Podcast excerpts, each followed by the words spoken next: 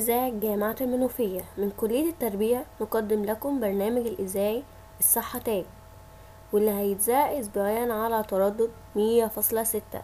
إعداد أحمد مصطفى أميرة جمال أسيل زيان إيمان أشرف تقديم إيمان أشرف. صباح الفل أعزائي المستمعين الكرام وأهلا وسهلا بكم في أولى حلقات برنامج الصحة تاج واللي هنتكلم فيه عن ظاهرة التدخين. ظاهرة التدخين آفة اجتماعية وصحية خطيرة وتعتبر من أكثر العادات السلبية التي يمارسها ملايين البشر. يعتبر التدخين سبب رئيسي للكثير من الأمراض الخطيرة مثل السرطان وخصوصا سرطان الرئة وكذلك أمراض الجهاز التنفسي وأمراض القلب والشرايين وارتفاع ضغط الدم. كما يسبب رائحة كريهة للفم والملابس ويسبب تشوهات الأجنة وكثرة السعال وتراكم الدم في رئتي المدخن. وتدمير أغشية الأوعية الدموية الداخلية وفقدانها لمرونتها والإدمان على هذه العادة السيئة. وكما حذرنا ربنا سبحانه وتعالى بقوله بسم الله الرحمن الرحيم. وأنفقوا في سبيل الله ولا تلقوا بأيديكم إلى التهلكة. وأحسنوا إن الله يحب المحسنين. صدق الله العظيم. ومعانا حالة هنتكلم معاها ولكن استنونا بعد الفاصل.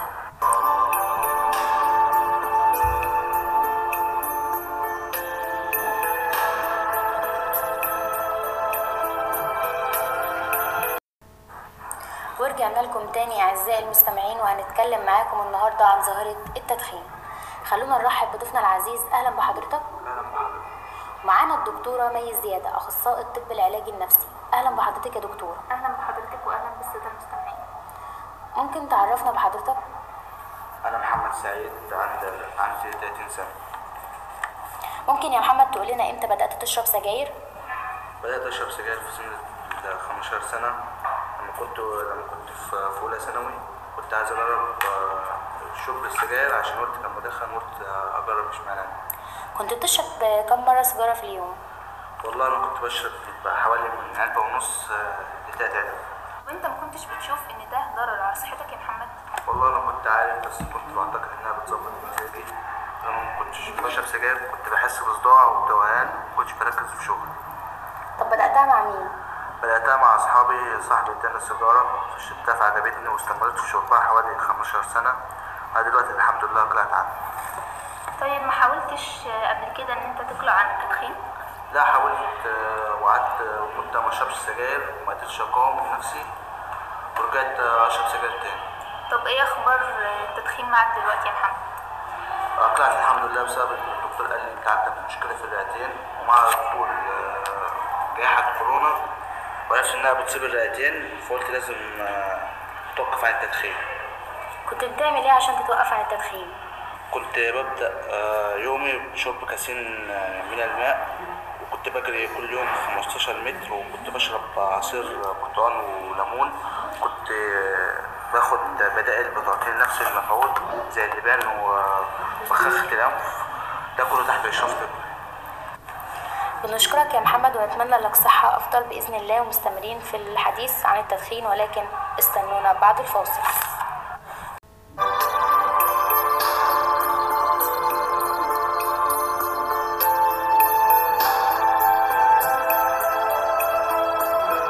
لكم تاني ومعانا دكتورة مي زيادة ونرحب بحضرتك مرة تانية يا دكتورة. أهلا بحضرتك.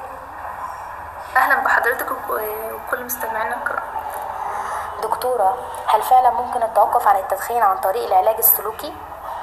هو أي سلوك إدماني يندرج على عدة مستويات منها المستوى البيولوجي والمستوى السلوكي والمستوى المعرفي وبالنظر إلى أن التدخين سلوك إدماني كما يعرف فالعلاج السلوكي لا شك أنه أحد التدخلات المهمة التي تساعد في التوقف عن التدخين طب يا دكتورة في كتير بيعرفوا التدخين مضر ومع ذلك بيستمرون في التدخين لماذا؟ غالبا هؤلاء الأشخاص لم يتخذوا الظروف المناسبة ولم يهيأ لم يهيئوا أنفسهم نفسيا أو جسديا أو بدنيا حتى يبدأوا بالإقلاع عن التدخين وتكون إرادة التدخين أكثر من إرادة التوقف عن التدخين طيب إيه الصعب في التوقف عن التدخين؟ لأن النيكوتين يؤثر على المراكز البيولوجية اللي موجودة في جسم الإنسان وعلى مركز المكافأة فتخلق اللذة عند التدخين بالإضافة إلى الطقوس السلوكية وتكون هذه عائق أمام الشخص في التوقف عن التدخين. طب يا دكتورة في هناك أشخاص بيحاولوا التوقف عن التدخين ولكن بيتعرضوا لأعراض الانسحاب. إيه هي الأعراض دي؟ في التدخين تظهر أعراض الانسحاب في الأيام الأولى. من وقف التدخين وتدوم لعدة أسابيع. ومن العادة أن, أن الأشخاص الذين يتوقفون عن التدخين يعانون من أمراض هضمية. وهناك أيضا أعراض نفسية مثل النرفزة وعدم التركيز طيب أي نوع من السجائر الإلكترونية؟ طب يا دكتورة هل السجائر الإلكترونية مفيدة؟ لا يمكن القول أن السجائر الإلكترونية سليمة أو صحيحة 100% أو مفيدة فالسجائر الإلكترونية تحتوي على النيكوتين ولكن تبدو أقل ضررا من التبغ العادي لأنها لا تحتوي على قطران ولا تطلق أكسيد الكربون هناك أشخاص لا يدخنون باستمرار ربما السيجارة كل فترة أو باليوم هل ده خطر؟ التدخين زي ما قلنا له عدة مستويات فالتدخين الشديد له أضرار كبيرة أما التدخين الخفيف قد يكون له أضرار على الجهاز التنفسي فقط زي أمراض السرطان مثلا إمتى يتخلص المقلع عن التدخين من آثاره الضارة ويصبح جسمه نقيا تماما؟ فالجسم يستعيد كامل صحته بعد فترة من التوقف عن التدخين حتى ولو كان قد استمر في التدخين لعقود قبلها. فبعد عشرين دقيقة من التدخين يعود ضغط الدم لوضعه الطبيعي. وبعد 8 ساعات يتراجع معدل أحادي أكسيد الكربون في الدم. أما بعد 24 ساعة يتراجع خطر التعرض لسكتة قلبية وبإمكانك أن تستمتع بحاستي الشم والتذوق. وأما بعد أسبوعين من التوقف عن التدخين يستنشق الإنسان هواء أكثر ومن بعد وبعد شهرين إلى ثلاث شهور تكون الرئة قد نظفت نفسها من آثار التدخين. وبعد 8 شهور يصبح نظام المناعة أقوى وبعد خمس سنوات من التوقف التام عن التدخين يتراجع خطر الإصابة بجلطة دماغية بنسبة 50% وأما بعد عشر سنوات يتراجع إصابته بسرطان الرئة وسرطان الكلية وسرطان المريء والقصبات الهوائية والفم بمقدار النصف أما التدخين أما الإقلاع عن التدخين تماما من آثار وبعد عشر سنوات من الإقلاع عن التدخين يتراجع إصابته بسرطان الرئة وسرطان الكلية وسرطان المريء والقصبات الهوائية والفم بمقدار النصف. أما التخلص التام من آثار التدخين يحدث بعد 15 عام من ترك التدخين وهنا يصبح الجسم خالي تماما. هنا يصبح الجسم وكأنه لم يدخن أبدا. ونحب في نهاية الحلقة نشكر حضرتك يا دكتورة على حضورك معنا وتحليلك للظاهرة وفي النهاية نحب أن نوجه رسالة للشباب والمدخنين بالتوقف عن التدخين لأنه يستنزف صحتنا وأموالنا. نستودعكم في رعاية الله والسلام عليكم ورحمة الله وبركاته.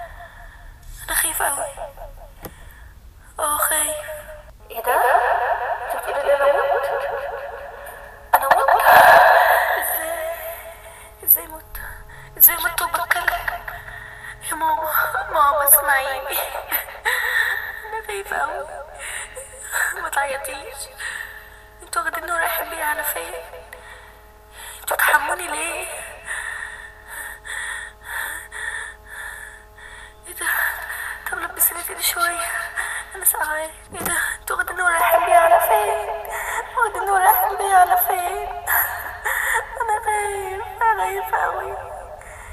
إيه ده؟ دي التراب. أنتوا واخدين التراب ليه؟ آه خايف أنتوا بتحطوني فين؟ الأوضة دي؟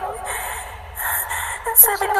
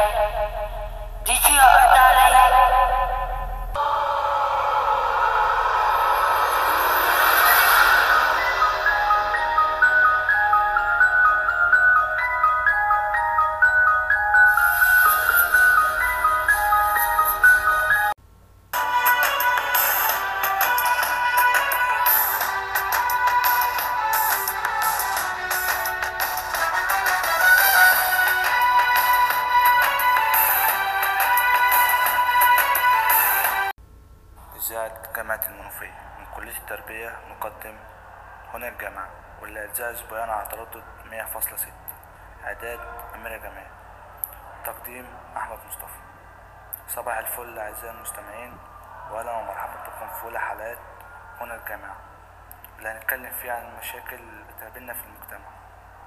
ألا وهي ظاهرة العشوائيات ونحب في البداية نرحب بالدكتورة زينب محمد وزيرة الإسكان السابقة أهلا يا دكتورة. أهلا بحضرتك واهلا بالسادة المستمعين. إحنا هنتكلم مع الدكتورة زينب عن المشكلة ولكن استنونا بعد الفاصل.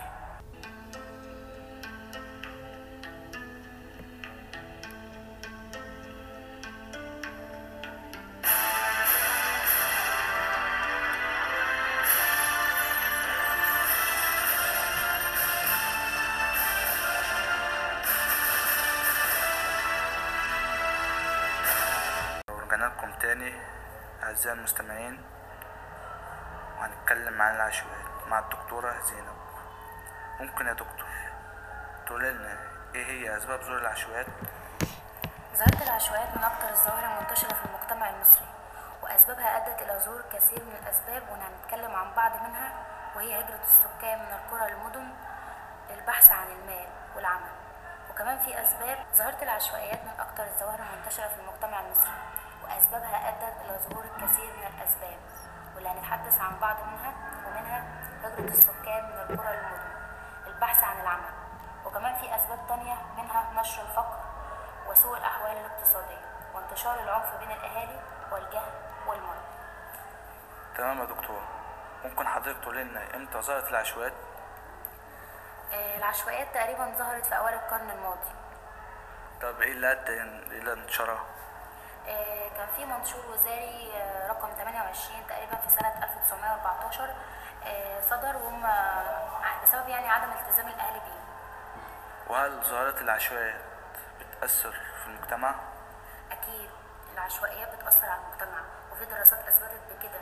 أثبتت القضاء على العشوائيات دي خطوة مهمة للمرور بالبلاد إلى بر الأمان. وبالتالي هت- هتدعم من الحضارة من أو هتنقلها من حضارة إلى حضارة. بالإضافة إلى ده هيؤدي يعني إلى جذب السياحة دخول عملة صعبة للبلاد والقضاء على العشوائيات تمام. هنكمل كلامنا مع الدكتورة زينب ولكن استنونا بعد الفاصل.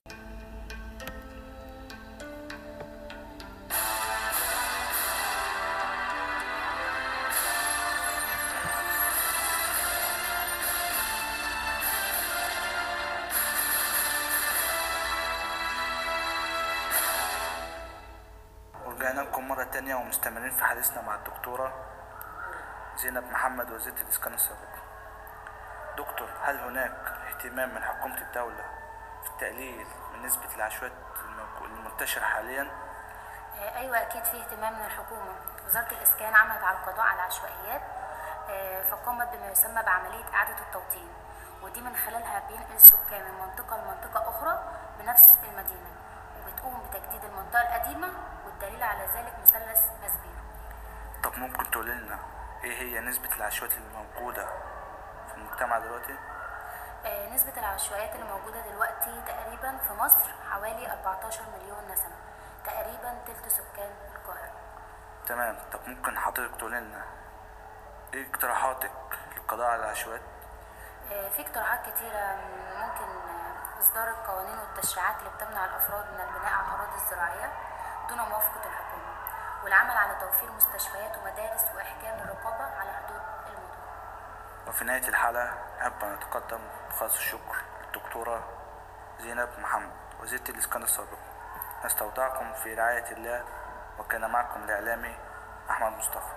في برنامج هنا الجامعة وشكرا لكم والسلام عليكم ورحمة الله وبركاته.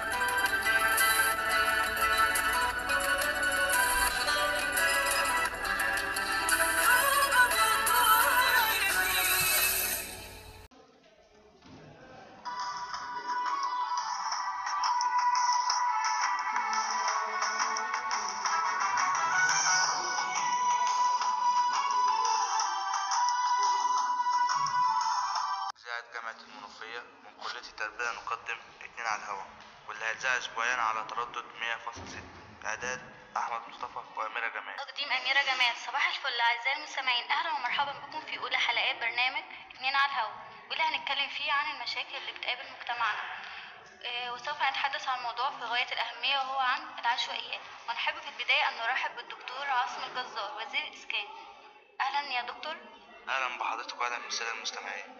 إحنا هنتكلم مع الدكتور عاصم الجزار ولكن استنونا بعد الفاصل.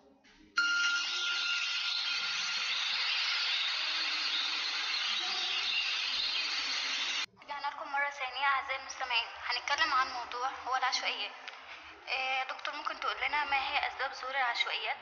ظاهرة العشوائيات من أكثر الظواهر المنتشرة في المجتمع المصري وأدى إلى ظهور كتير من الأسباب.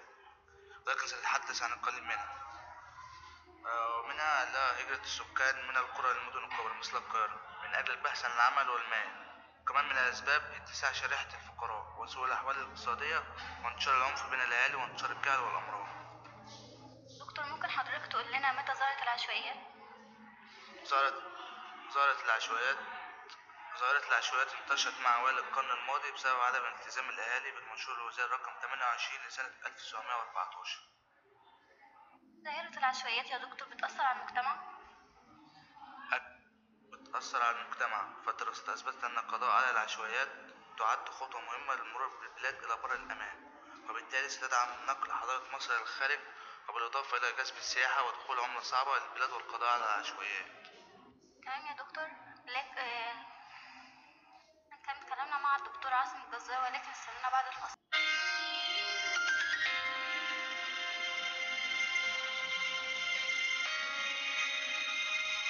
مرة ثانية مستمرين في حديثنا مع الدكتور عاصم الجزار وزير الإسكان. فهل يا دكتور هناك اهتمام من الحكومة في القضاء على العشوائيات في الوقت الحالي؟ نعم في اهتمام من الحكومة.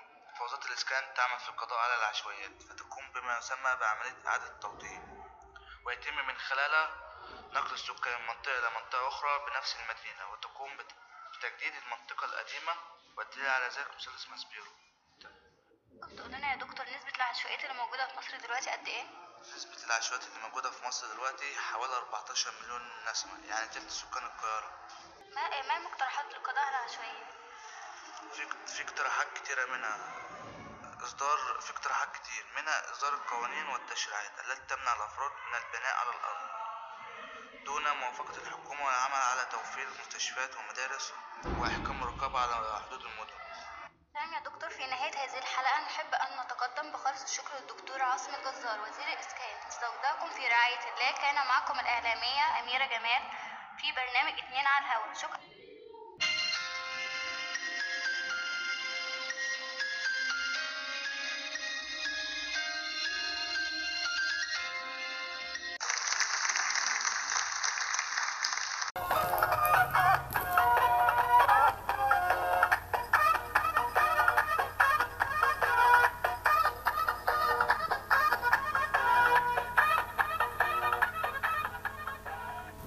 إذاعة جامعة المنوفية من كلية التربية نقدم لكم برنامج الإذاعي الصحة تاج واللي هيتذاع أسبوعيا على تردد مية فاصلة ستة. إعداد أحمد مصطفى أميرة جمال أسيل زيان إيمان أشرف تقديم إيمان أشرف.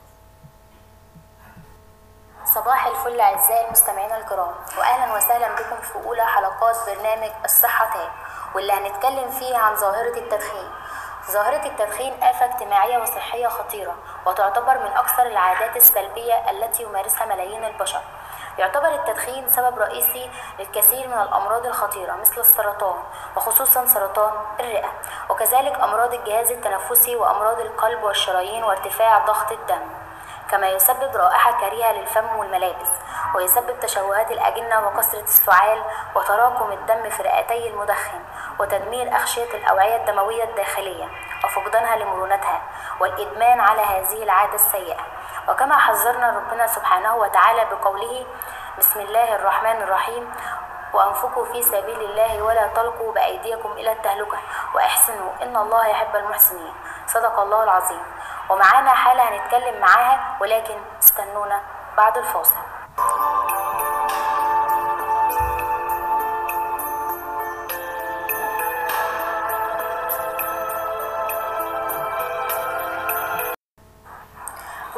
لكم تاني أعزائي المستمعين وهنتكلم معاكم النهاردة عن ظاهرة التدخين. خلونا نرحب بضيفنا العزيز. أهلا بحضرتك. معانا الدكتورة مي زيادة أخصائي الطب العلاجي النفسي. أهلا بحضرتك يا دكتورة. أهلا بحضرتك وأهلا بالسادة المستمعين. ممكن تعرفنا بحضرتك؟ أنا محمد سعيد عندي عندي 30 سنة.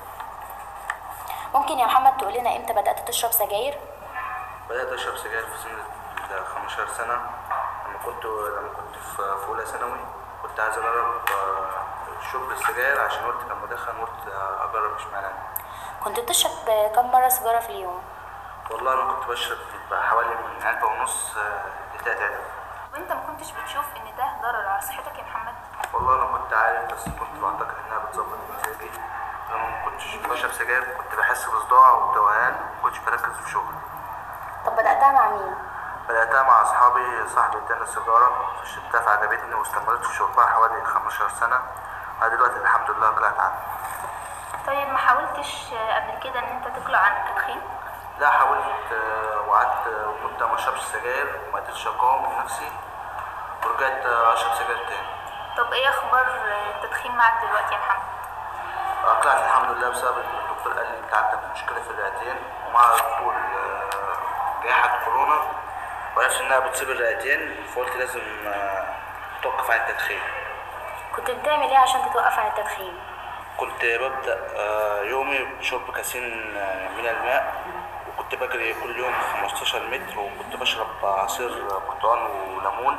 كنت آه، باخد بدائل بتعطيني نفس المفعول زي اللبان وبخاخة الأنف. ده كله تحت إشراف طبي. بنشكرك يا محمد ونتمنى لك صحة أفضل بإذن الله ومستمرين في الحديث عن التدخين ولكن استنونا بعد الفاصل.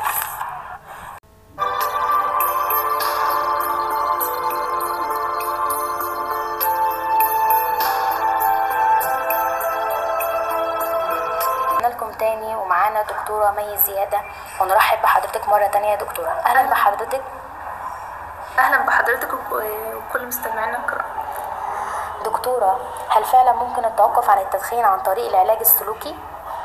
هو أي سلوك إدماني يندرج على عدة مستويات منها المستوى البيولوجي والمستوى السلوكي والمستوى المعرفي وبالنظر إلى أن التدخين سلوك إدماني كما يعرف فالعلاج السلوكي لا شك أنه أحد التدخلات المهمة التي تساعد في التوقف عن التدخين طب يا دكتورة في كتير بيعرفوا التدخين مضر ومع ذلك بيستمرون في التدخين لماذا؟ غالبا هؤلاء الأشخاص لم يتخذوا الظروف المناسبة ولم يهيأ لم يهيئوا أنفسهم نفسيا أو جسديا أو بدنيا حتى يبدأوا بالإقلاع عن التدخين وتكون إرادة التدخين أكثر من إرادة التوقف عن التدخين طيب إيه الصعب في التوقف عن التدخين؟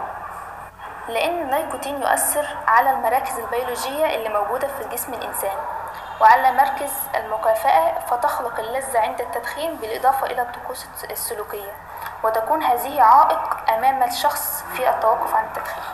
طب يا دكتورة في هناك أشخاص بيحاولوا التوقف عن التدخين ولكن بيتعرضوا لأعراض الانسحاب. إيه هي الأعراض دي؟ في التدخين تظهر أعراض الانسحاب في الأيام الأولى. من وقف التدخين وتدوم لعدة أسابيع. ومن العادة أن, أن الأشخاص الذين يتوقفون عن التدخين يعانون من أمراض هضمية. وهناك أيضا أعراض نفسية مثل النرفزة وعدم التركيز. طيب أي نوع من السجائر الإلكترونية؟ طب يا دكتورة هل السجائر الإلكترونية مفيدة؟ لا يمكن القول أن السجائر الإلكترونية سليمة أو صحيحة 100% أو مفيدة فالسجائر الإلكترونية تحتوي على النيكوتين ولكن تبدو أقل ضررا من التبغ العادي لأنها لا تحتوي على قطران ولا تطلق أكسيد الكربون هناك أشخاص لا يدخنون باستمرار ربما السيجارة كل فترة أو باليوم هل ده خطر؟ التدخين زي ما قلنا آه، له عدة مستويات. فالتدخين الشديد له أضرار كبيرة آه، أما التدخين الخفيف قد يكون له أضرار على الجهاز التنفسي فقط زي أمراض السرطان مثلا. إمتى يتخلص المقلع عن التدخين من آثاره الضارة ويصبح جسمه نقيا تماما؟ فالجسم يستعيد كامل صحته بعد فترة من التوقف عن التدخين حتى ولو كان قد استمر في التدخين لعقود قبلها. فبعد عشرين دقيقة من التدخين يعود ضغط الدم آه، لوضعه الطبيعي. وبعد 8 ساعات يتراجع معدل أحادي أكسيد الكربون في الدم. أما بعد 24 ساعة يتراجع خطر التعرض لسكتة قلبية وبإمكانك أن تستمتع بحاستي الشم والتذوق. وأما بعد أسبوعين من التوقف عن التدخين يستنشق الإنسان هواء أكثر ومن بعد آه، وبعد شهرين إلى ثلاث شهور تكون الرئة قد نظفت نفسها من آثار التدخين وبعد 8 شهور يصبح نظام المناعة أقوى. وبعد خمس سنوات من التوقف التام عن التدخين يتراجع خطر الإصابة بجلطة دماغية بنسبة 50% وأما بعد عشر سنوات يتراجع إصابته بسرطان الرئة وسرطان الكلية وسرطان المريء والقصبات الهوائية آه، وال- والفم بمقدار النصف أما التدخين أما الإقلاع عن التدخين تماما آه، من آثار وبعد عشر سنوات من الإقلاع عن التدخين يتراجع إصابته بسرطان الرئة وسرطان الكلية وسرطان المريء والقصبات الهوائية والفم بمقدار النصف. أما التخلص التام من آثار التدخين يحدث بعد 15 عام من ترك التدخين وهنا يصبح الجسم آه، خالي تماما هنا يصبح الجسم وكأنه لم يدخن أبدا. ونحب في نهاية الحلقة نشكر حضرتك يا دكتورة على حضورك معنا وتحليلك للظاهرة وفي النهاية نحب أن نوجه رسالة للشباب والمدخنين بالتوقف عن التدخين لأنه يستنزف صحتنا وأموالنا. نستودعكم في رعاية الله والسلام عليكم ورحمة الله وبركاته.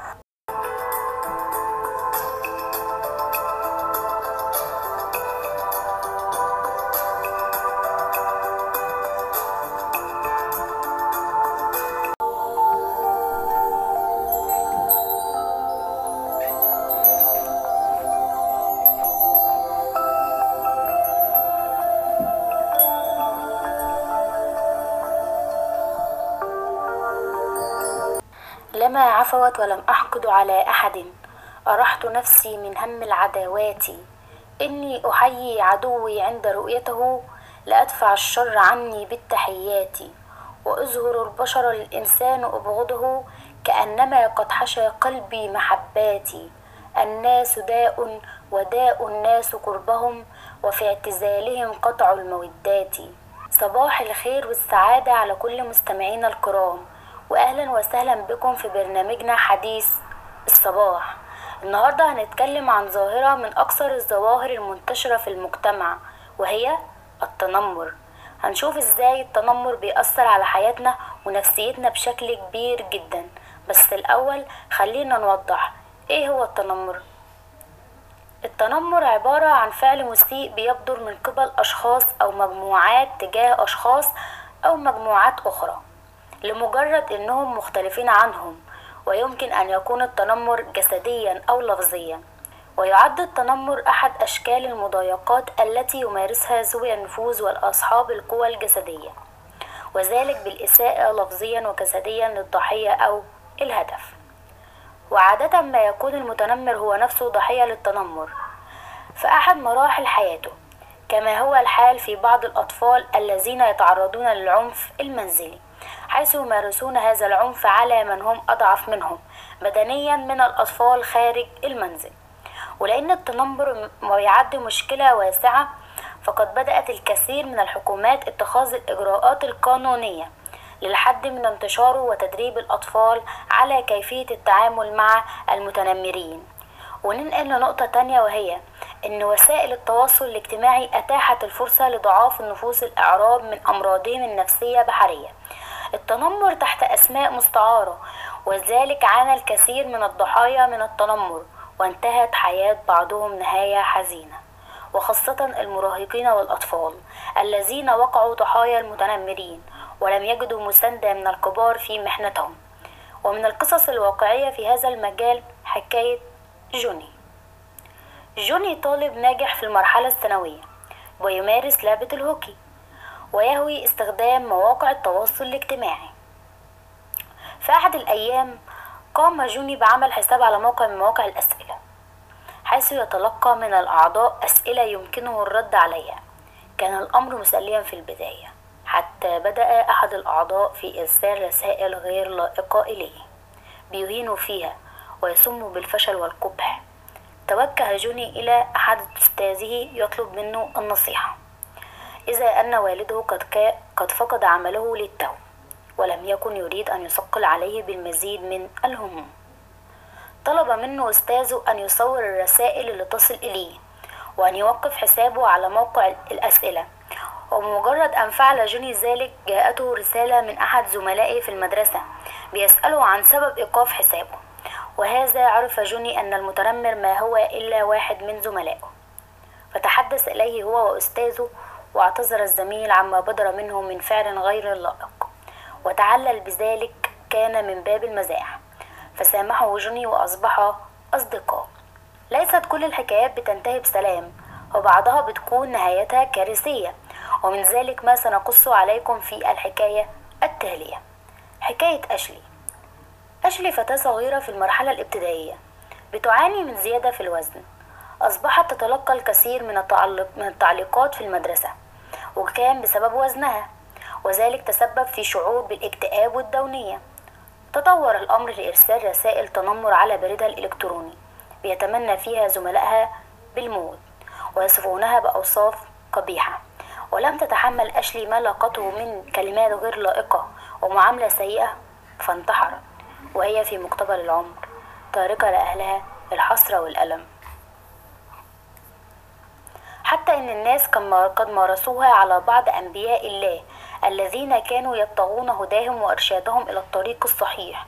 ونذكر بعض آيات الذكر الحكيم التي جاء بها ذلك. بسم الله الرحمن الرحيم. وإني كلما دعوتهم لتغفر لهم جعلوا أصابعهم في آذانهم واستغشوا ثيابهم وأصروا واستكبروا استكبارا. ويصنع الفلك وكلما مر عليه ملأ من قومه سخروا منه. قالوا إن تسخروا منا فإنا نسخر منكم كما تسخرون. فسوف تعلمون من يؤتيه عذاب يخزيه ويحل عليه عذاب مقيم. في سورة نوح بينبئنا الله حجم ما تعرض له نبيه نوح من سخرية واستهزاء وإيذاء على يد قومه. وفي ختام حلقتنا بنؤكد أن التنمر من السلوكيات الخاطئة التي يمكن أن تضر بالفرد وبالمجتمع كله. والمتنمر عندما يكبر يصبح شخصية عنيفة ولا تتمتع بالأخلاق ويمكن أن يسلك سلوكا إجراميا في الكبر. ولذلك يجب أن تتضافر الجهود لتهذيب المتنمرين وتحملهم عواقب أفعالهم وألا سيظل الباب مفتوحا أمام الجميع للإلحاق الأذى النفسي بغيرهم والإضرار بالمجتمع ككل. وكده نبقى ختمنا حلقتنا. نتمنى تكونوا استمتعتوا. والسلام عليكم ورحمة الله وبركاته.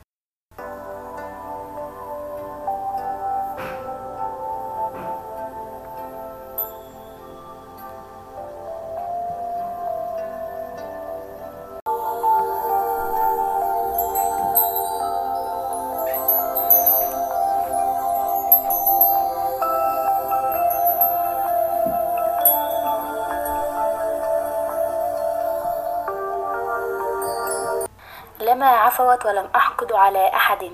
أرحت نفسي من هم العداوات.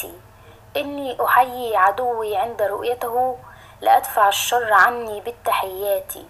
وأزهر البشر الإنسان أبغضه كأنما قد حشى قلبي محباتي الناس داء وداء الناس قربهم وفي اعتزالهم قطع المودات. صباح الخير والسعادة على كل مستمعينا الكرام. واهلا وسهلا بكم في برنامجنا حديث الصباح. النهاردة هنتكلم عن ظاهرة من أكثر الظواهر المنتشرة في المجتمع وهي التنمر. هنشوف إزاي التنمر بيأثر على حياتنا ونفسيتنا بشكل كبير جدا. بس الأول خلينا نوضح إيه هو التنمر؟ التنمر عبارة عن فعل مسيء بيبدر من قبل أشخاص أو مجموعات تجاه أشخاص أو مجموعات أخرى. لمجرد أنهم مختلفين عنهم ويمكن أن يكون التنمر جسديا أو لفظيا. ويعد التنمر أحد أشكال المضايقات التي يمارسها ذوي النفوذ والأصحاب القوى الجسدية وذلك بالإساءة لفظيا وجسديا للضحية أو الهدف. وعادة ما يكون المتنمر هو نفسه ضحية للتنمر. في أحد مراحل حياته كما هو الحال في بعض الأطفال الذين يتعرضون للعنف المنزلي. حيث يمارسون هذا العنف على من هم أضعف منهم بدنيا من الأطفال خارج المنزل. ولأن التنمر يعد مشكلة واسعة فقد بدأت الكثير من الحكومات اتخاذ الإجراءات القانونية للحد من انتشاره وتدريب الأطفال على كيفية التعامل مع المتنمرين. وننقل لنقطة تانية وهي إن وسائل التواصل الاجتماعي أتاحت الفرصة لضعاف النفوس الإعراب من أمراضهم النفسية بحرية. التنمر تحت أسماء مستعارة وذلك عانى الكثير من الضحايا من التنمر وانتهت حياة بعضهم نهاية حزينة وخاصة المراهقين والأطفال الذين وقعوا ضحايا المتنمرين ولم يجدوا مساندة من الكبار في محنتهم. ومن القصص الواقعية في هذا المجال حكاية جوني. جوني طالب ناجح في المرحلة الثانوية ويمارس لعبة الهوكي. ويهوي استخدام مواقع التواصل الاجتماعي. في أحد الأيام قام جوني بعمل حساب على موقع من مواقع الأسئلة حيث يتلقى من الأعضاء أسئلة يمكنه الرد عليها. كان الأمر مسليا في البداية حتى بدأ أحد الأعضاء في إرسال رسائل غير لائقة إليه بيهين فيها ويسم بالفشل والقبح. توجه جوني إلى أحد أستاذه يطلب منه النصيحة. إذا أن والده قد, قد فقد عمله للتو ولم يكن يريد أن يثقل عليه بالمزيد من الهموم. طلب منه أستاذه أن يصور الرسائل اللي تصل إليه وأن يوقف حسابه على موقع الأسئلة. وبمجرد أن فعل جوني ذلك جاءته رسالة من أحد زملائه في المدرسة بيسأله عن سبب إيقاف حسابه. وهذا عرف جوني أن المتنمر ما هو إلا واحد من زملائه. فتحدث إليه هو وأستاذه واعتذر الزميل عما بدر منه من فعل غير لائق. وتعلل بذلك كان من باب المزاح. فسامحه جوني وأصبحا أصدقاء. ليست كل الحكايات بتنتهي بسلام وبعضها بتكون نهايتها كارثية. ومن ذلك ما سنقص عليكم في الحكاية التالية. حكاية أشلي. أشلي فتاة صغيرة في المرحلة الابتدائية. بتعاني من زيادة في الوزن. أصبحت تتلقى الكثير من, التعلق من التعليقات في المدرسة. وكان بسبب وزنها وذلك تسبب في شعور بالاكتئاب والدونية. تطور الأمر لإرسال رسائل تنمر على بريدها الإلكتروني بيتمنى فيها زملائها بالموت ويصفونها بأوصاف قبيحة. ولم تتحمل أشلي ما لاقته من كلمات غير لائقة ومعاملة سيئة فانتحرت وهي في مقتبل العمر تاركة لأهلها الحسرة والألم. حتى إن الناس قد مارسوها على بعض أنبياء الله الذين كانوا يبتغون هداهم وإرشادهم إلى الطريق الصحيح. ونذكر بعض آيات الذكر الحكيم التي جاء بها ذلك. بسم الله الرحمن الرحيم. وإني كلما دعوتهم لتغفر لهم جعلوا أصابعهم في آذانهم واستغشوا ثيابهم وأصروا واستكبروا استكبارا. ويصنع الفلك وكلما مر عليه ملأ من قومه سخروا منه. قالوا إن تسخروا منا فإنا نسخر منكم كما تسخرون. فسوف تعلمون من يؤتيه عذاب يخزيه ويحل عليه عذاب مقيم. في سورة نوح بينبئنا الله حجم ما تعرض له نبيه نوح من سخرية واستهزاء وإيذاء على يد قومه. وفي ختام حلقتنا بنؤكد أن التنمر من السلوكيات الخاطئة التي يمكن أن تضر بالفرد وبالمجتمع كله. والمتنمر عندما يكبر يصبح شخصية عنيفة ولا تتمتع بالأخلاق ويمكن أن يسلك سلوكا إجراميا في الكبر. ولذلك يجب أن تتضافر الجهود لتهذيب المتنمرين وتحملهم عواقب أفعالهم. وألا سيظل الباب مفتوحا أمام الجميع للإلحاق الأذى النفسي بغيرهم والإضرار بالمجتمع ككل. وكده نبقى ختمنا حلقتنا. نتمنى تكونوا استمتعتوا. والسلام عليكم ورحمة الله وبركاته.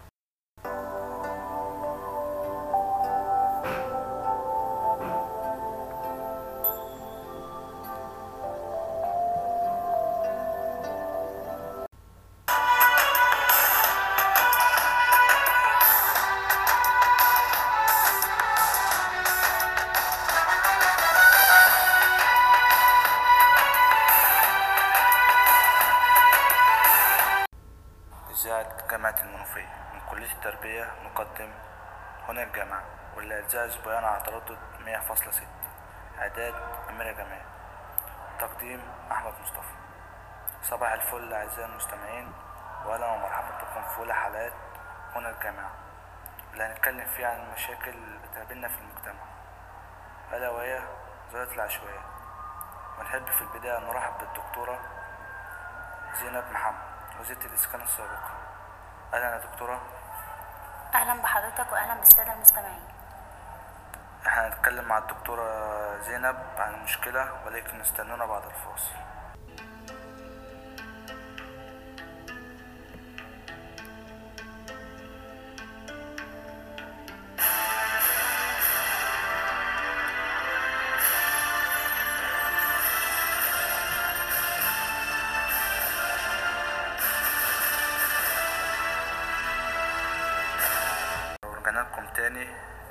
أعزائي المستمعين وهنتكلم عن العشوائيات مع الدكتورة زينب. ممكن يا دكتور تقول لنا إيه هي أسباب ظهور العشوائيات؟ ظاهرة العشوائيات من أكثر الظواهر المنتشرة في المجتمع المصري وأسبابها أدت إلى ظهور كثير من الأسباب وهنتكلم عن بعض منها وهي هجرة السكان من القرى للمدن للبحث عن المال والعمل. وكمان في أسباب ظاهرة العشوائيات من أكثر الظواهر المنتشرة في المجتمع المصري. وأسبابها أدت إلى ظهور الكثير من الأسباب واللي هنتحدث عن بعض منها ومنها هجرة السكان من القرى للمدن البحث عن العمل وكمان في أسباب تانية منها نشر الفقر وسوء الأحوال الاقتصادية وانتشار العنف بين الأهالي والجهل والمرض. تمام يا دكتور. ممكن حضرتك تقول لنا إمتى ظهرت العشوائيات؟ آه، العشوائيات تقريبا ظهرت في أوائل القرن الماضي. طب إيه اللي أدى إلى انتشارها؟ كان في منشور وزاري آه، رقم 28 تقريبا في سنة 1914 آه، صدر وهم بسبب يعني عدم التزام الأهل بيه. وهل ظاهرة العشوائيات بتأثر في المجتمع؟ أكيد العشوائيات بتأثر على المجتمع وفي دراسات أثبتت بكده أثبتت القضاء على العشوائيات آه، دي خطوة مهمة آه، للمرور بالبلاد إلى بر الأمان وبالتالي آه، هت- هتدعم الحضارة من أو هتنقلها من آه، حضارة إلى حضارة. بالإضافة إلى ده هيؤدي يعني إلى جذب السياحة دخول عملة صعبة للبلاد والقضاء على العشوائيات تمام. هنكمل كلامنا مع الدكتورة زينب ولكن استنونا بعد الفاصل.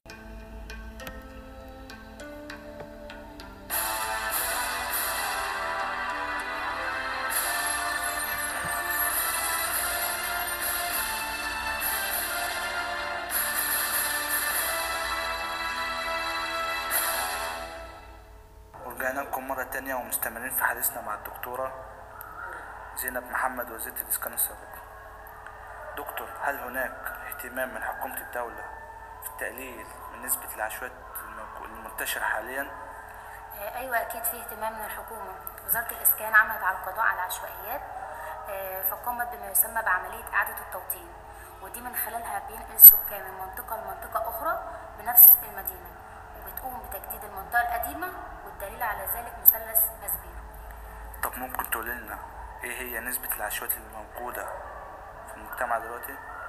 آه، نسبة العشوائيات اللي موجودة دلوقتي تقريبا في مصر حوالي 14 مليون نسمة. تقريبا تلت سكان القاهرة. تمام. طب ممكن حضرتك تقول لنا إيه اقتراحاتك للقضاء على العشوائيات؟ آه، في اقتراحات كتيرة ممكن آه، إصدار القوانين والتشريعات اللي بتمنع الأفراد من البناء على الأراضي الزراعية. دون موافقة الحكومة والعمل على توفير مستشفيات ومدارس وإحكام الرقابة على حدود المدن. وفي نهاية الحلقة نحب أن نتقدم بخالص الشكر للدكتورة زينب محمد وزيرة الإسكان السابق. نستودعكم في رعاية الله وكان معكم الإعلامي أحمد مصطفى. في برنامج هنا الجامعة وشكرا لكم والسلام عليكم ورحمة الله وبركاته.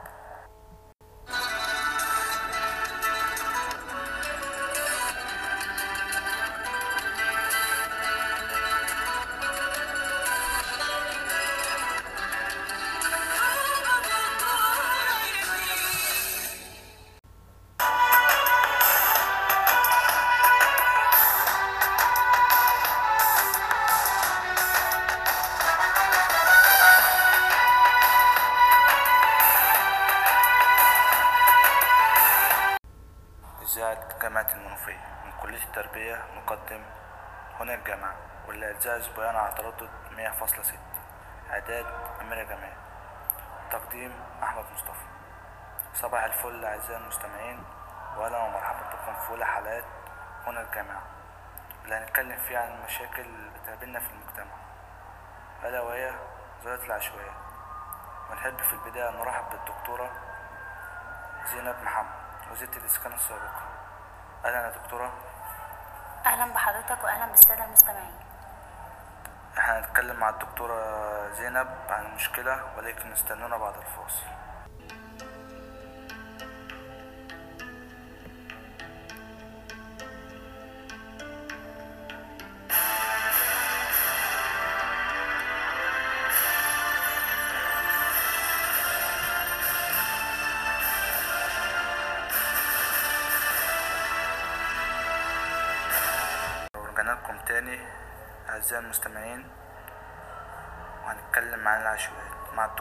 زينب. ممكن يا دكتور تقول لنا إيه هي أسباب ظهور العشوائيات؟ ظاهرة العشوائيات من أكثر الظواهر المنتشرة في المجتمع المصري وأسبابها أدت إلى ظهور كثير من الأسباب وهنتكلم عن بعض منها وهي هجرة السكان من القرى للمدن للبحث عن المال والعمل. وكمان في أسباب ظاهرة العشوائيات من أكثر الظواهر المنتشرة في المجتمع المصري وأسبابها أدت إلى ظهور الكثير من الأسباب. واللي هنتحدث عن بعض منها ومنها هجرة السكان من القرى للمدن البحث عن العمل وكمان في أسباب تانية منها نشر الفقر وسوء الأحوال الاقتصادية وانتشار العنف بين الأهالي والجهل والمرض. تمام يا دكتور. ممكن حضرتك تقول لنا إمتى ظهرت العشوائيات؟ آه، العشوائيات تقريبا ظهرت في أوائل القرن الماضي. طب إيه اللي أدى إلى انتشارها؟ كان في منشور وزاري آه، رقم 28 تقريبا في سنة 1914 آه، صدر وهم بسبب يعني عدم التزام الأهل بيه. وهل ظاهرة العشوائيات بتأثر في المجتمع؟ أكيد العشوائيات بتأثر على المجتمع وفي دراسات أثبتت بكده. أثبتت القضاء على العشوائيات آه، دي خطوة مهمة آه، للمرور بالبلاد إلى بر الأمان. وبالتالي آه، هت- هتدعم من الحضارة من أو هتنقلها من آه، حضارة إلى حضارة. بالإضافة إلى ده هيؤدي يعني إلى جذب السياحة دخول عملة صعبة للبلاد والقضاء على العشوائيات تمام. هنكمل كلامنا مع الدكتورة زينب ولكن استنونا بعد الفاصل.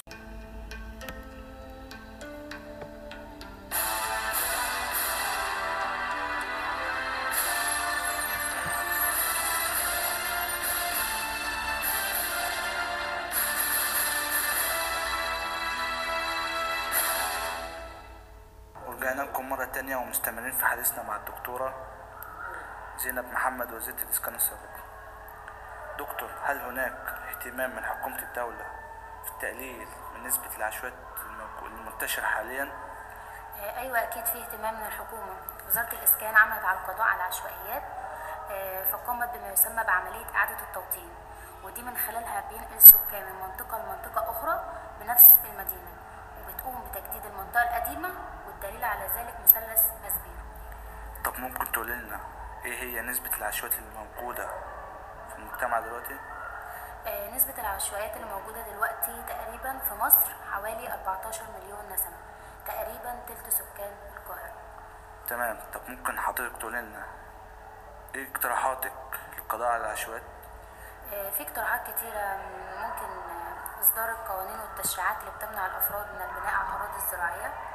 دون موافقة الحكومة والعمل على توفير مستشفيات ومدارس وإحكام الرقابة على حدود المدن. وفي نهاية الحلقة نحب أن نتقدم بخالص الشكر الدكتورة زينب محمد وزيرة الإسكان السابقة نستودعكم في رعاية الله وكان معكم الإعلامي أحمد مصطفى. في برنامج هنا الجامعة وشكرا لكم والسلام عليكم ورحمة الله وبركاته.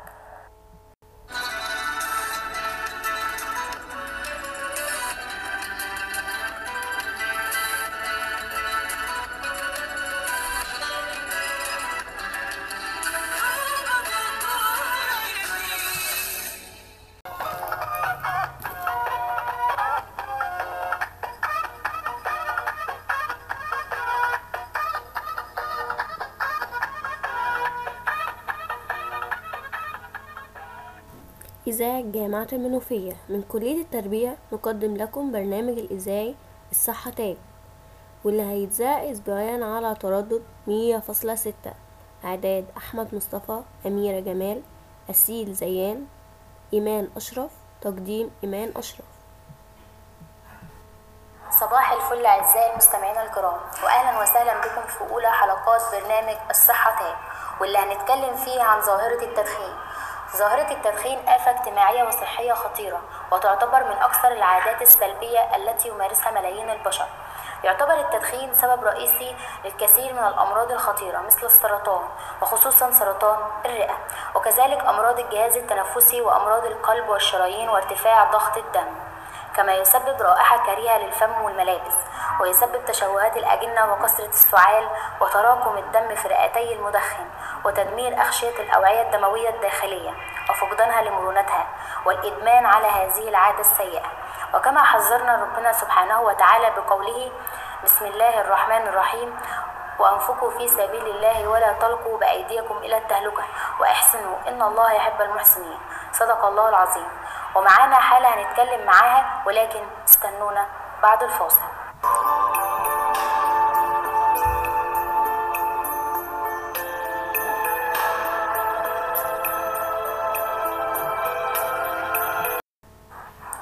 ورجعنا لكم تاني أعزائي المستمعين وهنتكلم معاكم النهاردة عن ظاهرة التدخين. خلونا نرحب بضيفنا العزيز. أهلا بحضرتك. معانا الدكتورة مي زيادة أخصائي الطب العلاجي النفسي. أهلا بحضرتك يا دكتورة. أهلا بحضرتك وأهلا بالسادة المستمعين. ممكن تعرفنا بحضرتك؟ أنا محمد سعيد عندي عندي 30 سنة. ممكن يا محمد تقول لنا إمتى بدأت تشرب سجاير؟ بدأت أشرب سجاير في سن ال 15 سنة. لما كنت لما كنت في أولى ثانوي كنت عايز أجرب آه، شرب السجاير عشان والدي كان مدخن قلت أجرب إشمعنى؟ أنا. كنت بتشرب كم مرة سيجارة في اليوم؟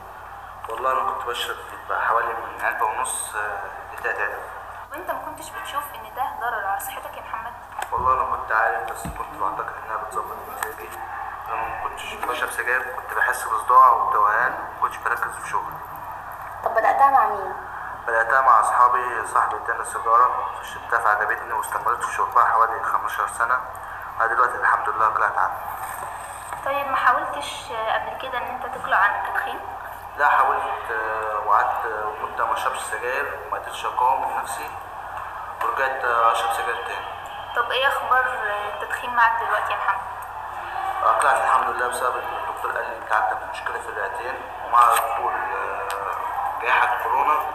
وعرفت انها بتسيب الرئتين فقلت لازم آه، اتوقف عن التدخين. كنت بتعمل إيه عشان تتوقف عن التدخين؟ كنت ببدأ آه، يومي بشرب كاسين آه، من الماء وكنت بجري كل يوم 15 متر وكنت بشرب عصير برتقال وليمون. كنت آه، باخد بدائل بتعطيني نفس المفعول زي اللبان و- وبخاخة الأنف. ده كله تحت إشراف طبي. بنشكرك يا محمد ونتمنى لك صحة أفضل بإذن الله ومستمرين في الحديث عن التدخين ولكن استنونا بعد الفاصل.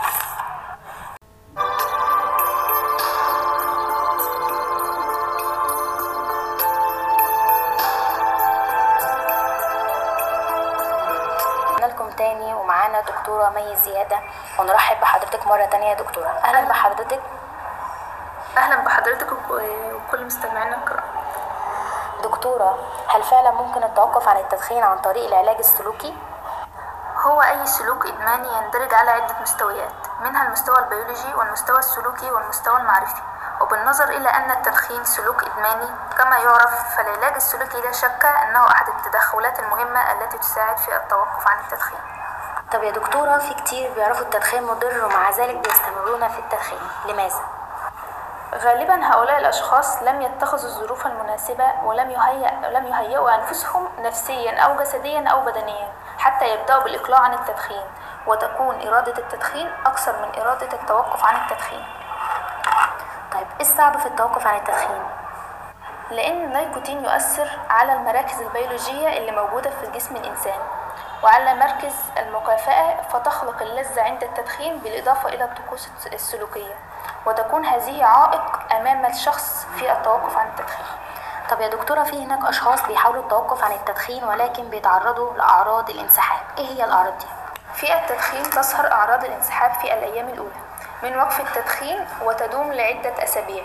ومن العادة أن أن الأشخاص الذين يتوقفون عن التدخين يعانون من أمراض هضمية. وهناك أيضا أعراض نفسية مثل النرفزة وعدم التركيز. طيب أي نوع من السجائر الإلكترونية؟ طب يا دكتورة هل السجائر الإلكترونية مفيدة؟ لا يمكن القول أن السجائر الإلكترونية سليمة أو صحيحة 100% أو مفيدة فالسجائر الإلكترونية تحتوي على النيكوتين ولكن تبدو أقل ضررا من التبغ العادي لأنها لا تحتوي على قطران ولا تطلق أكسيد الكربون هناك أشخاص لا يدخنون باستمرار ربما السيجارة كل فترة أو باليوم هل ده خطر؟ التدخين زي ما قلنا له عدة مستويات. فالتدخين الشديد له أضرار كبيرة أما التدخين الخفيف قد يكون له أضرار على الجهاز التنفسي فقط زي أمراض السرطان مثلا. إمتى يتخلص المقلع عن التدخين من آثاره الضارة ويصبح جسمه نقيا تماما؟ فالجسم يستعيد كامل صحته بعد فترة من التوقف عن التدخين حتى ولو كان قد استمر في التدخين لعقود قبلها. فبعد عشرين دقيقة من التدخين يعود ضغط الدم لوضعه الطبيعي. وبعد 8 ساعات يتراجع معدل أحادي أكسيد الكربون في الدم. أما بعد 24 ساعة يتراجع خطر التعرض لسكتة قلبية وبإمكانك أن تستمتع بحاستي الشم والتذوق.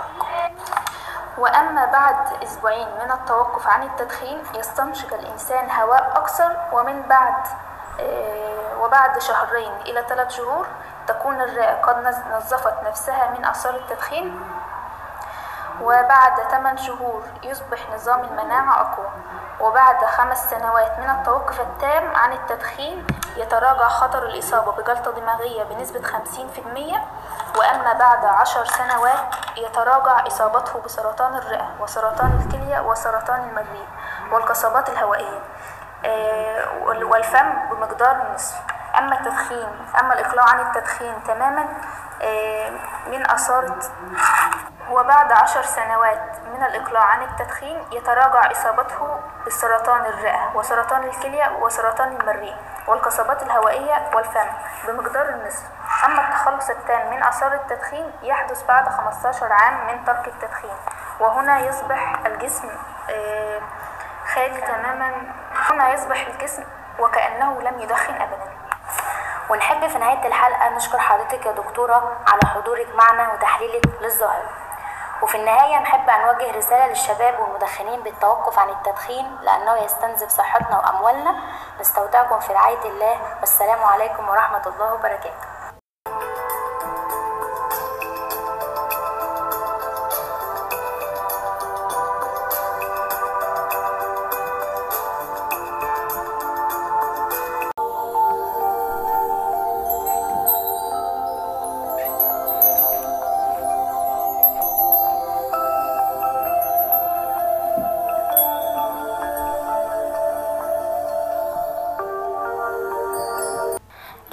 عفوت ولم أحقد على أحد. أرحت نفسي من هم العداوات. إني أحيي عدوي عند رؤيته لأدفع الشر عني بالتحيات. وأزهر البشر الإنسان أبغضه كأنما قد حشى قلبي محباتي الناس داء وداء الناس قربهم وفي اعتزالهم قطع المودات. صباح الخير والسعادة على كل مستمعينا الكرام. واهلا وسهلا بكم في برنامجنا حديث الصباح. النهارده هنتكلم عن ظاهرة من أكثر الظواهر المنتشرة في المجتمع وهي التنمر. هنشوف إزاي التنمر بيأثر على حياتنا ونفسيتنا بشكل كبير جدا. بس الأول خلينا نوضح إيه هو التنمر؟ التنمر عبارة عن فعل مسيء بيبدر من قبل أشخاص أو مجموعات تجاه أشخاص أو مجموعات أخرى. لمجرد إنهم مختلفين عنهم ويمكن أن يكون التنمر جسديا أو لفظيا. ويعد التنمر أحد أشكال المضايقات التي يمارسها ذوي النفوذ والأصحاب القوى الجسدية وذلك بالإساءة لفظيا وجسديا للضحية أو الهدف. وعادة ما يكون المتنمر هو نفسه ضحية للتنمر في أحد مراحل حياته كما هو الحال في بعض الأطفال الذين يتعرضون للعنف المنزلي. حيث يمارسون هذا العنف على من هم أضعف منهم بدنيا من الأطفال خارج المنزل. ولأن التنمر يعد مشكلة واسعة فقد بدأت الكثير من الحكومات اتخاذ الإجراءات القانونية للحد من انتشاره وتدريب الأطفال على كيفية التعامل مع المتنمرين. وننقل لنقطة تانية وهي إن وسائل التواصل الاجتماعي أتاحت الفرصة لضعاف النفوس الأعراب من أمراضهم النفسية بحرية. التنمر تحت أسماء مستعارة وذلك عانى الكثير من الضحايا من التنمر وانتهت حياة بعضهم نهاية حزينة وخاصة المراهقين والأطفال الذين وقعوا ضحايا المتنمرين ولم يجدوا مساندة من الكبار في محنتهم. ومن القصص الواقعية في هذا المجال حكاية جوني. جوني طالب ناجح في المرحلة الثانوية ويمارس لعبة الهوكي. ويهوي استخدام مواقع التواصل الاجتماعي. في أحد الأيام قام جوني بعمل حساب على موقع من مواقع الأسئلة حيث يتلقى من الأعضاء أسئلة يمكنه الرد عليها. كان الأمر مسليا في البداية حتى بدأ أحد الأعضاء في إرسال رسائل غير لائقة إليه بيهين فيها ويسم بالفشل والقبح. توجه جوني إلى أحد أستاذه يطلب منه النصيحة. إذا أن والده قد, قد فقد عمله للتو ولم يكن يريد أن يثقل عليه بالمزيد من الهموم. طلب منه أستاذه أن يصور الرسائل اللي تصل إليه وأن يوقف حسابه على موقع الأسئلة. وبمجرد أن فعل جوني ذلك جاءته رسالة من أحد زملائه في المدرسة بيسأله عن سبب إيقاف حسابه. وهذا عرف جوني أن المتنمر ما هو إلا واحد من زملائه. فتحدث إليه هو وأستاذه واعتذر الزميل عما بدر منه من فعل غير لائق. وتعلل بذلك كان من باب المزاح. فسامحه جوني وأصبحا أصدقاء. ليست كل الحكايات بتنتهي بسلام وبعضها بتكون نهايتها كارثية. ومن ذلك ما سنقص عليكم في الحكاية التالية. حكاية أشلي. أشلي فتاة صغيرة في المرحلة الابتدائية. بتعاني من زيادة في الوزن. أصبحت تتلقى الكثير من, التعلق من التعليقات في المدرسة. وكان بسبب وزنها وذلك تسبب في شعور بالاكتئاب والدونية. تطور الأمر لإرسال رسائل تنمر على بريدها الإلكتروني بيتمنى فيها زملائها بالموت ويصفونها بأوصاف قبيحة. ولم تتحمل أشلي ما لاقته من كلمات غير لائقة ومعاملة سيئة فانتحرت وهي في مقتبل العمر تاركة لأهلها الحسرة والألم. حتى إن الناس قد مارسوها على بعض أنبياء الله الذين كانوا يبتغون هداهم وإرشادهم إلى الطريق الصحيح. ونذكر بعض آيات الذكر الحكيم التي جاء بها ذلك. بسم الله الرحمن الرحيم. وإني كلما دعوتهم لتغفر لهم جعلوا أصابعهم في آذانهم واستغشوا ثيابهم وأصروا واستكبروا استكبارا. ويصنع الفلك وكلما مر عليه ملأ من قومه سخروا منه. قالوا إن تسخروا منا فإنا نسخر منكم كما تسخرون. فسوف تعلمون من يؤتيه عذاب يخزيه ويحل عليه عذاب مقيم. في سورة نوح بينبئنا الله حجم ما تعرض له نبيه نوح من سخرية واستهزاء وإيذاء على يد قومه. وفي ختام حلقتنا بنؤكد أن التنمر من السلوكيات الخاطئة التي يمكن أن تضر بالفرد وبالمجتمع كله. والمتنمر عندما يكبر يصبح شخصية عنيفة ولا تتمتع بالأخلاق ويمكن أن يسلك سلوكا إجراميا في الكبر. ولذلك يجب أن تتضافر الجهود لتهذيب المتنمرين وتحملهم عواقب أفعالهم وألا سيظل الباب مفتوحا أمام الجميع للإلحاق الأذى النفسي بغيرهم والإضرار بالمجتمع ككل. وكده نبقى ختمنا حلقتنا. نتمنى تكونوا استمتعتوا. والسلام عليكم ورحمة الله وبركاته.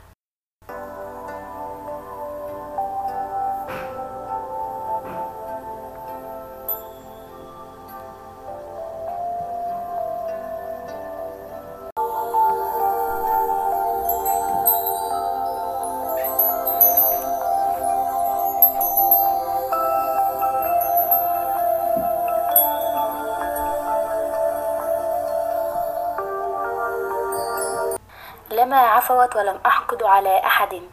أرحت نفسي من هم العداوات. إني أحيي عدوي عند رؤيته لأدفع الشر عني بالتحيات.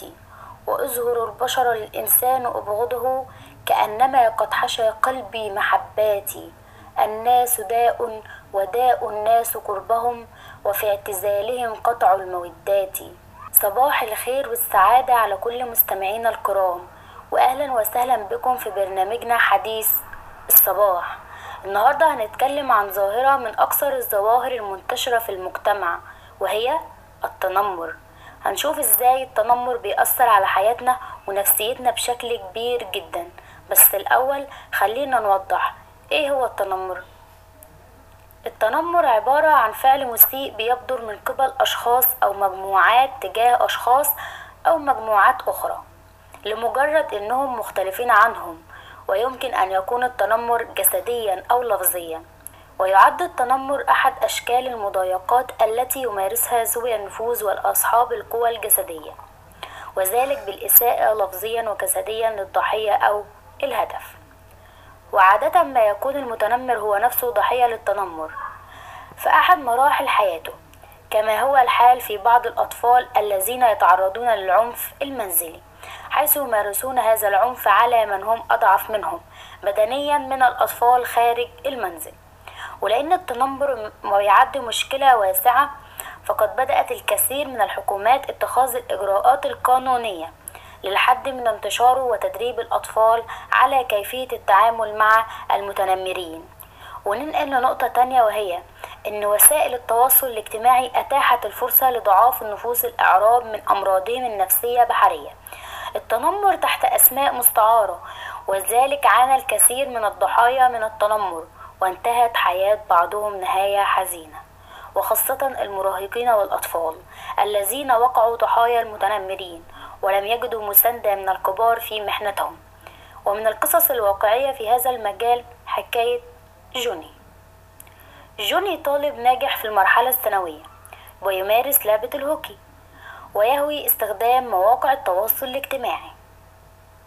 في أحد الأيام قام جوني بعمل حساب على موقع من مواقع الأسئلة حيث يتلقى من الأعضاء أسئلة يمكنه الرد عليها. كان الأمر مسليا في البداية حتى بدأ أحد الأعضاء في إرسال رسائل غير لائقة إليه بيهين فيها ويسم بالفشل والقبح. توجه جوني إلى أحد أستاذه يطلب منه النصيحة. إذا أن والده قد, قد فقد عمله للتو ولم يكن يريد أن يثقل عليه بالمزيد من الهموم. طلب منه أستاذه أن يصور الرسائل اللي تصل إليه وأن يوقف حسابه على موقع الأسئلة. وبمجرد أن فعل جوني ذلك جاءته رسالة من أحد زملائه في المدرسة بيسأله عن سبب إيقاف حسابه.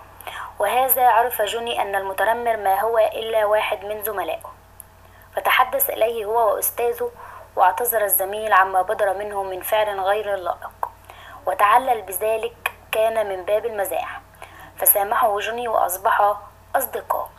ليست كل الحكايات بتنتهي بسلام وبعضها بتكون نهايتها كارثية. ومن ذلك ما سنقص عليكم في الحكاية التالية. حكاية أشلي. أشلي فتاة صغيرة في المرحلة الابتدائية. بتعاني من زيادة في الوزن. أصبحت تتلقى الكثير من التعليقات في المدرسة. وكان بسبب وزنها وذلك تسبب في شعور بالاكتئاب والدونية. تطور الأمر لإرسال رسائل تنمر على بريدها الإلكتروني بيتمنى فيها زملائها بالموت ويصفونها بأوصاف قبيحة. ولم تتحمل أشلي ما لاقته من كلمات غير لائقة ومعاملة سيئة فانتحرت وهي في مقتبل العمر تاركة لأهلها الحسرة والألم. حتى إن الناس قد مارسوها على بعض أنبياء الله الذين كانوا يبتغون هداهم وإرشادهم إلى الطريق الصحيح.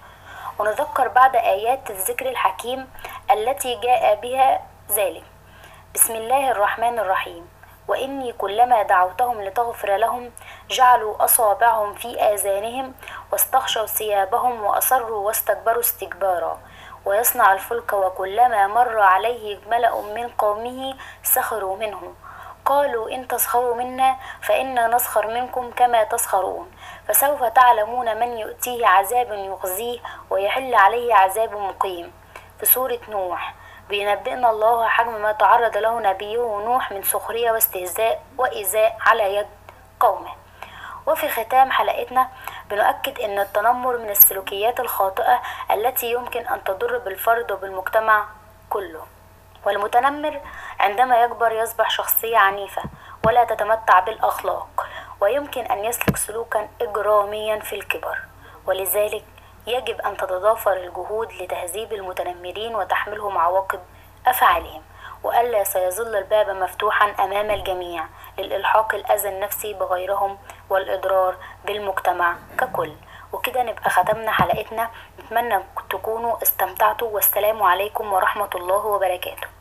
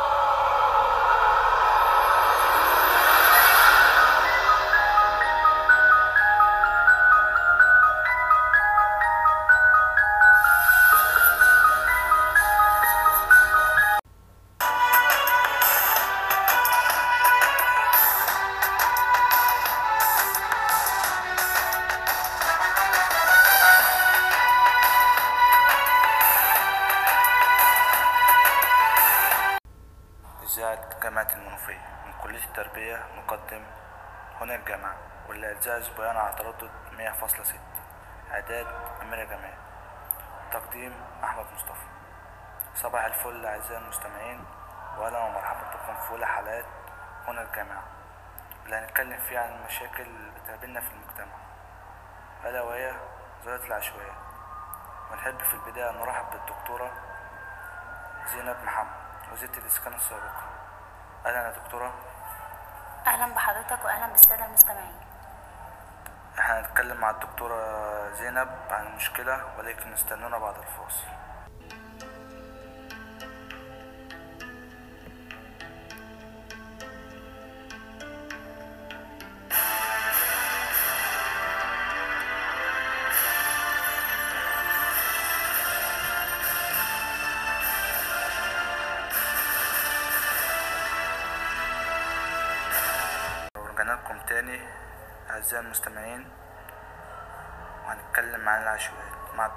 زينب. ممكن يا دكتور تقول لنا إيه هي أسباب ظهور العشوائيات؟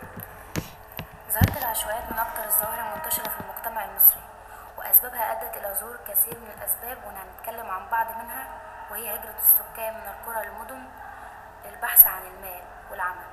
وكمان في أسباب ظاهرة العشوائيات من أكثر الظواهر المنتشرة في المجتمع المصري وأسبابها أدت إلى ظهور الكثير من الأسباب. واللي هنتحدث عن بعض منها ومنها هجرة السكان من القرى للمدن البحث عن العمل. وكمان في أسباب تانية منها نشر الفقر وسوء الأحوال الاقتصادية وانتشار العنف بين الأهالي والجهل والمرض. تمام يا دكتور. ممكن حضرتك تقول لنا إمتى ظهرت العشوائيات؟ آه، العشوائيات تقريبا ظهرت في أوائل القرن الماضي. طب إيه اللي أدى إلى انتشارها آه، كان في منشور وزاري آه، رقم 28 تقريبا في سنة 1914 آه، صدر وهم بسبب يعني عدم التزام الأهل بيه. وهل ظاهرة العشوائيات بتأثر في المجتمع؟ أكيد. العشوائيات بتأثر على المجتمع وفي دراسات أثبتت بكده. أثبتت القضاء على العشوائيات آه، دي خطوة مهمة آه، للمرور بالبلاد إلى بر الأمان. وبالتالي آه، هت- هتدعم من الحضارة من أو هتنقلها من آه، حضارة إلى حضارة بالإضافة إلى ده هيؤدي يعني إلى جذب السياحة دخول عملة صعبة للبلاد والقضاء على العشوائيات تمام. هنكمل كلامنا مع الدكتورة زينب ولكن استنونا بعد الفاصل.